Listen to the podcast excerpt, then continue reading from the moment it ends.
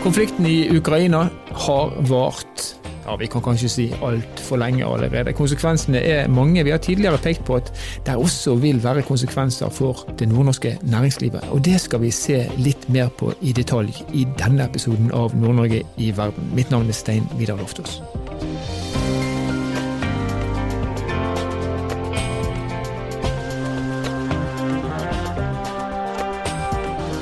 Om litt skal vi snakke med Frank Hasselberg, som er daglig leder i eh, Pobedit, en eh, bedrift i Finnmark som merker konsekvensen på kroppen, kan man kanskje si. Men aller først så skal vi snakke med Målfri Baik, som er regiondirektør i NHO Arktis. Og velkommen, jeg må nesten si velkommen tilbake til oss, Målfri. Tusen takk, og det er alltid hyggelig å bli invitert. Så bra at du syns det. Du, eh, vi har snakka før om trøbbel for næringslivet, men da har det vært med en pandemikontekst. og så gikk pandemien over, og så er vi rett over i en krigskontekst eh, istedenfor. Hvordan står det til med næringslivet i Nord-Norge akkurat nå? Eh, først og fremst vil jeg understreke hvilken optimisme som preget Nord-Norge, både i forhold til investering og bedriftsetableringer før pandemien slo til. Og så blødde bedriftene tungt eh, under pandemien, spesielt her i nord.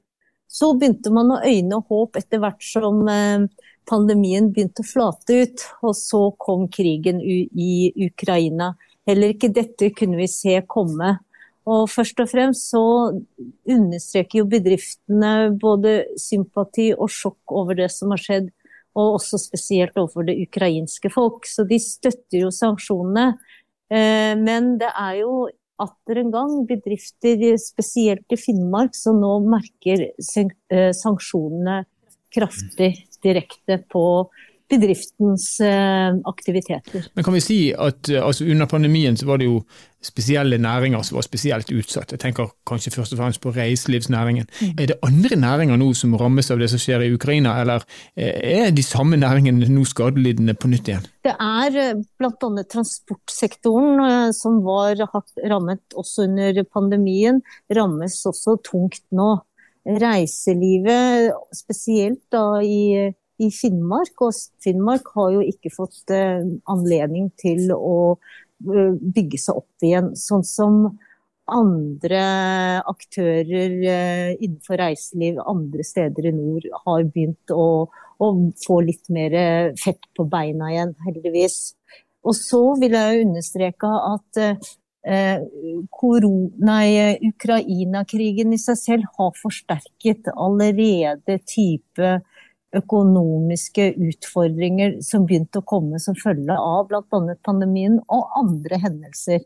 Slik at uh, høyere strømpriser, dyrere materialpriser, dyrere transportkostnader, det er med på å bli forsterket pga. krigen. Ja på toppen av det hele altså nå, nå, Pandemien er jo på en måte tilbakelagt, i hvert fall så kan vi våge å håpe det. Krigen det var det ingen som så komme, og så er det mulig å få en viss oversikt over situasjonen, for man vet hvordan sanksjoner som er innført. og Da skulle man tro at det skulle være mulig å regne seg frem til hvordan konsekvensene skulle bli. Men så hører vi da i tillegg om en eh, rekke eksempler fra hele landsdelen, der virksomheter som har russiske kunder, opplever å bli boikotta av leverandører og av sine kunder igjen, fordi at de handler med Russland. Hva tenker du om det? Jeg synes jo at dette her er svært uheldig. Ikke nok med at bedriftene nå rammes som følge av de ulike Eh, den ulike økonomiske utviklingen som vi var nettopp inne på, strømpriser, transportkostnader, materialkostnader etc.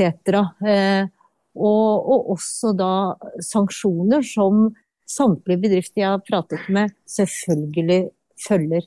Men så er det viktig å understreke at det er verken ønskelig eller behov for å gå utover det myndighetene har bestemt av sanksjoner. Eh, det straffer ikke Putin at man Eh, boikotter egne norske bedrifter. Eh, og det, straff, og det, hjelper heller ikke folk i Ukraina. Det hjelper ikke at man setter norske arbeidsplasser i Finnmark i fare. Derfor er det en sterk eh, oppfordring at nå skal vi vise solidaritet. Vi skal gå i takt og følge regjeringas og myndighetenes sanksjoner. Utover det er det verken ønskelig eller behov for å gjøre noe mer. Men forstår du, har du forståelse for at man tenker på den måten? At man velger å utvide boikottapparatet på sett og vis? Jeg kan se at bedriftene også er jo opptatt av noe som er eh, veldig viktig, og det er bl.a. omdømme. I en omdømmesammenheng så ser jeg at, at mange bedrifter vurderer dit hen at, eh, at, de er livredde for å skulle plutselig bli utsatt for eh, boikott av andre igjen. Ikke sant? Så dette blir en sånn kjedereaksjon, dessverre.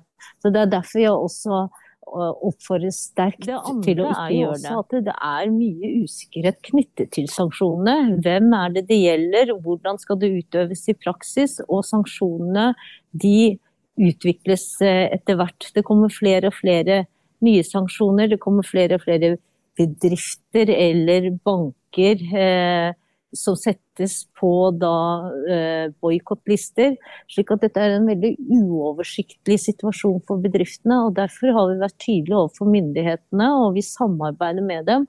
Og få på en måte laget en god veileder, men også at myndighetene har gode ordninger for veiledning og rådgivning til bedrifter. Du Målfrid, nå, eh, vi, altså, vi har snakka sammen før, og vi har sett på konkurstallene som vi lenge frykta skulle bli kjempehøye etter pandemien, som ikke ble det, men som vi kanskje nå ser en, en negativ bevegelse i. Eh, og du snakker om, om bedrifter som ble påvirka av pandemikrisen, som nå påvirkes av krigen i Ukraina. Hvis du skal se litt lenger eh, inn i fremtiden, for det er ingenting som tilsier at denne konflikten kommer til å gå over med det aller første, hvor alvorlig kan dette bli for det nordnorske næringslivet? Nå skal jeg, En ting jeg har lært gjennom disse tre siste årene med pandemi og, og krig i Europa, det var noe at uh, ingen kunne forutse det i forkant. Så nå, klok av skade på den måten, så skal man være veldig forsiktig og spå om fremtiden.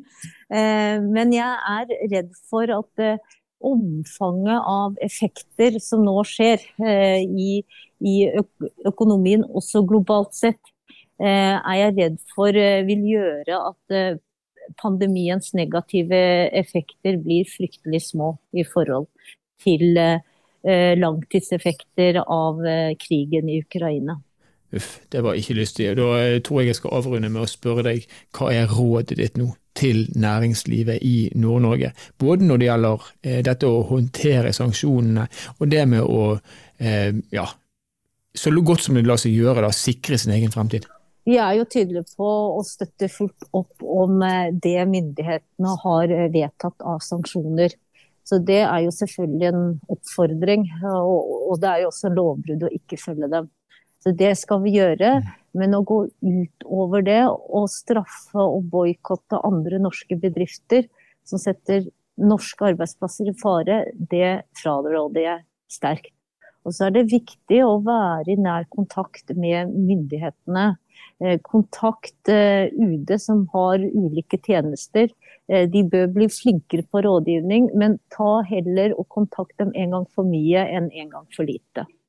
Og så tror jeg det faktisk er utrolig viktig nå, sånn som det viste seg under pandemien, at vi har et organisert arbeidsliv, slik at vær flink til å sende inn meldinger til NHO som arbeidsgiverorganisasjon LO som arbeidstakerorganisasjon, og så forsterker vi det presset og samarbeider med myndighetene for å få til best mulig tilrettelagt for bedriftene. Tusen takk for at du kunne være med oss, Målfri Baik fra NHO Arktis. Tusen takk, det var hyggelig å bli invitert.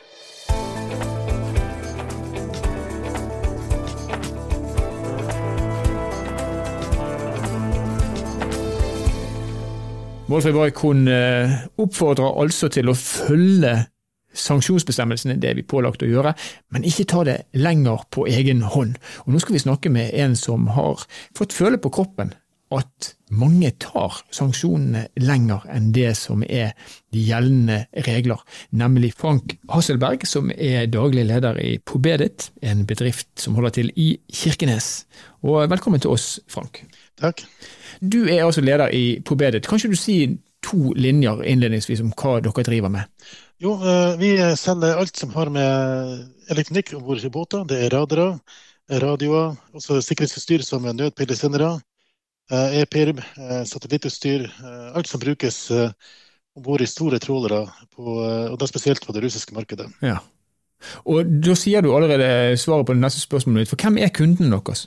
Altså, vi, vi, har jo norske kunder også, men 90% av kundene våre per dag er russiske skipseiere. Store selskaper som har base hovedsakelig i Murmansk. Ja. Der har vi et firma som selger for oss. Det er, det er liksom det andre firmaet vårt eier har da, i Russland. og De selger direkte til russiske trålere som kommer inn til Norge mm. i norske havner. Og der er vi også leverer varer og tjenester. Mm. Så langt, nå, nå, har denne krisen i Ukraina vart i ganske mange uker. Merker dere trøbbel f.eks. med å få betalt for de tjenestene dere leverer til russiske båteiere? Ja, altså det, det her med at uh, stridssystemet blir lagt ned, det er for så vidt uh, sånn som skjer. Men uh, vi får betalt. Det går litt tregere, og vi får for det meste betalt i dollar for tida. Russiske båter er som regel veldig gode betalere. Og så er det slik at Pobedit har en eier, og han holder til i Murmansk. Han er russisk. Men sånn som vi forstår det, så er ikke det er noen sanksjoner som rammer, altså, som rammer verken deres eier eller deres virksomhet på noen måte, stemmer det? Det stemmer det.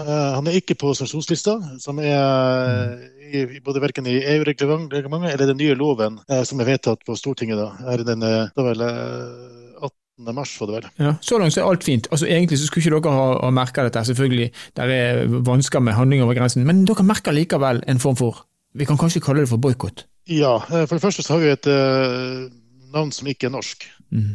Det var, så firmaet var i gang før jeg kom inn i selskapet. Uh, ja, så det som skjer, er jo at uh, vi får jo, plutselig får, blir vi nekta å kjøpe varer uh, fra flere store leverandører av skipsteknikk. Og det er greit hvis vi blir nekta å selge til russiske kunder dersom det er forbudt, f.eks. For det er på liste 1 eller liste 2 i EU-direktivet. Eller hvis det er navigasjonsutstyr som som man trenger lisens for å selge, og det er greit. Men når vi også er nekter å selge til å kjøpe i det hele tatt Vi, vi måttet kjøpe vi er omvia for å selge til norske kunder. F.eks. Eh, kartplottere og nødpilotsenere har vi nødt til å eh, gå omveier for å få levert til eh, en, en sjarker i, i Vadsø, rett og slett. Får dere noen noe, forklaring på hvorfor man ikke ønsker å handle med dere? Ja, altså, eh, ja. Eh, det er Som oftest er det ikke bare EU-direktivet de er redd for. Eh, det er Flere av dem har store kontrakter i USA, eh, både militære og ikke-militære. Og de er redd for at hvis de gjør én feil, så eh, blir de nekta å selge til USA. Og da er det store konsekvenser for de firmaene. Så man tar ekstra sikkerhet, kan man kanskje si? Ja. ja. Det er også litt det her med dårlige PR, har jeg også fått vite. Men stort sett er det redsel for oss å at eh, vi som firma skal eh, selge til Russland likevel. Og eh, at de skal bryte loven, den norske loven og selge, til, selge ulovlige varer til Russland. Og de vil heller være på den sikre sida. Når dere snakker med dem, forklarer dere situasjonen. Får dere noen form for forståelse for, for at det her setter dere i en vanskelig situasjon? Altså, det her er jo folk vi samarbeider med i flere år, og vi kjenner dem godt. og de er veldig lei seg for det. Ofte det her tatt avgjørelser høyt opp i systemene på de største firmaene. Og noen av dem har også amerikanske eiere, eller har eh, interesser i USA, eh, enten via salg. og Da er det som regel tatt en øvelse på, eh, på høyeste ledernivå om at eh, sånn her gjør vi det. Hva, hva konsekvenser kan det her få for dere? Nei, altså Hvis vi ikke får kjøpt varer, eh, så får vi ikke solgt noe. Eh, sånn som I fjor høst så begynte jeg jobben med å jeg så at det russiske markedet det svingte veldig. så Noen måneder hadde vi ingenting å gjøre, andre måneder hadde vi for mye å gjøre. Eh, så for å bote på det, så har jeg et, eh, siden i høst eh, jobba med å omstille oss til det norske markedet. Med å få papiret i orden. Vi har, vi har nå fått folk med f.eks. ansvarlig installatør, som vi må ha. Vi har fått opp en hjemmeside med nettbutikk. Jeg har skaffa flere folk osv. Når vi da plutselig ikke får lov til å Når vi kurser oss og bruker masse penger på å få lisenser for, for å vedlikeholde f.eks. nødpilsendere, så plutselig får ikke lov til å selge til norske markeder. Det, det, er klart, da, da, da, har vi ikke noe å selge, så fortjener vi ikke penger heller. Nei. Så i ytterste konsekvens så kan det være kroken på døren for, eh, for selskapet på Bedit? Ja, helt klart. Helt klart. Det, er en, det er en reell fare for at firmaet mitt, og ikke bare meg, mitt også, men andre også, må legge ned fordi at vi ikke får varer. Og det er til tross for at vi viser at vi følger norsk lov, og vi har alt på stell både på alle måter. Jeg må bare spørre likevel, har du forståelse for at de dere handler med, gjør det som de nå, nå gjør? Ja, altså, men når vi da forklarer hvordan ting henger sammen, og vi forklarer altså, Man må jo være løsningsorientert. Jeg skjønner den frykten. Og heldigvis har vi klart å forhandle frem rutiner for å møte det her, sånn at de kan være sikre på at vi selger til de rette kundene, og vi ikke selger til Russland. Ja. Og eh, da, jeg har vel hatt problemer med seks leverandører. Eh, det er to som vi ikke vil selge til fremdeles. Eh, men, men, men, på de andre, men på de fleste har vi funnet gode løsninger med rutiner. og blant annet at man må skrive et, man må dokumentere eh, hvem sluttbrukeren er. Og det, det, det, gjør vi. De russiske kundene dere har, jeg vil anta at du har kontakt med både kunder og vi vet at eieren deres er russisk. Eh, hvordan er reaksjonene på det, det man opplever nå fra den siden? Altså, Eieren er veldig fortvila, selvfølgelig. For at, uh, han har jo investert uh, millioner på å uh, bygge opp det selskapet her. Så, men han, altså, man må jo bare altså, De er jo litt pragmatiske også. ok, vi, vi, må bare følge lovverket, så gjør vi så godt vi kan ut ifra de rammene vi er gitt.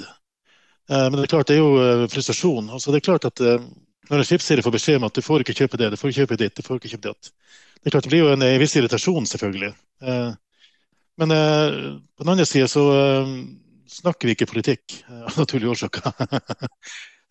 vi forholder oss til sak, og, altså også mellom, mellom russere, med, med russiske eiere og meg. da. Vi forholder oss til sak, og, men det er klart at han er jo veldig fortvila og veldig Det er jo frustrerende. da. Hva tenker du om situasjonen fremover nå? Jeg tror det her kommer til å vare lenge. Jeg Tenker nå i hvert fall ett år fremover når jeg planlegger nå. For å, og da tenker jeg at for det første, krigen gikk over på et halvt år. Og uansett hvordan det blir, så kommer nok situasjoner til å være lenge. For de kommer sikkert til å okkupere store deler av, av Ukraina, selv om konflikten blir fryst. Et ganske dystert bilde der, men sannsynligvis veldig nært det som kommer til å være realitetene. Tusen takk for at du kunne være med oss, Frank Hasselberg fra Pobedit i Finnmark. Takk for at jeg fikk komme. Så der står vi altså nå. Vi har eh, et sanksjonsregelverk som er, ja, er blitt ganske omfattende etter hvert. Og gjennom å følge alle sanksjonene, og det, det, skal vi naturligvis gjøre, det er lovpålagt, så skal vi da ramme det russiske regimet og gjøre det vanskelig for dem. Så langt, så bra. Og så er det da slik at eh, noen de tolker dette her i videre forstand. Man innfører kanskje litt sånn egne sanksjoner. Eh, og det vil da ramme i enda sterkere grad. Vi vet at Finnmarkssamfunnet Øst-Finnmark eh, de står i fare for, eh, for å tape kanskje 500-600 arbeidsplasser som en konsekvens av sanksjonene. Hvis man innfører ekstra sanksjoner, så må man anta at konsekvensene blir enda sterkere. Og så er det kanskje ikke så vanskelig å forstå at noen mener at vi skal skru denne skruen enda hardere til. Eh, vi hører Målfri Bike si at eh, ikke gjør det. La oss følge sanksjonene, men ikke la oss gjøre vondt verre. Og vi hører også Frank Hasselberg si at dette vil ha en konsekvens for mitt helt lovlige eh, selskap.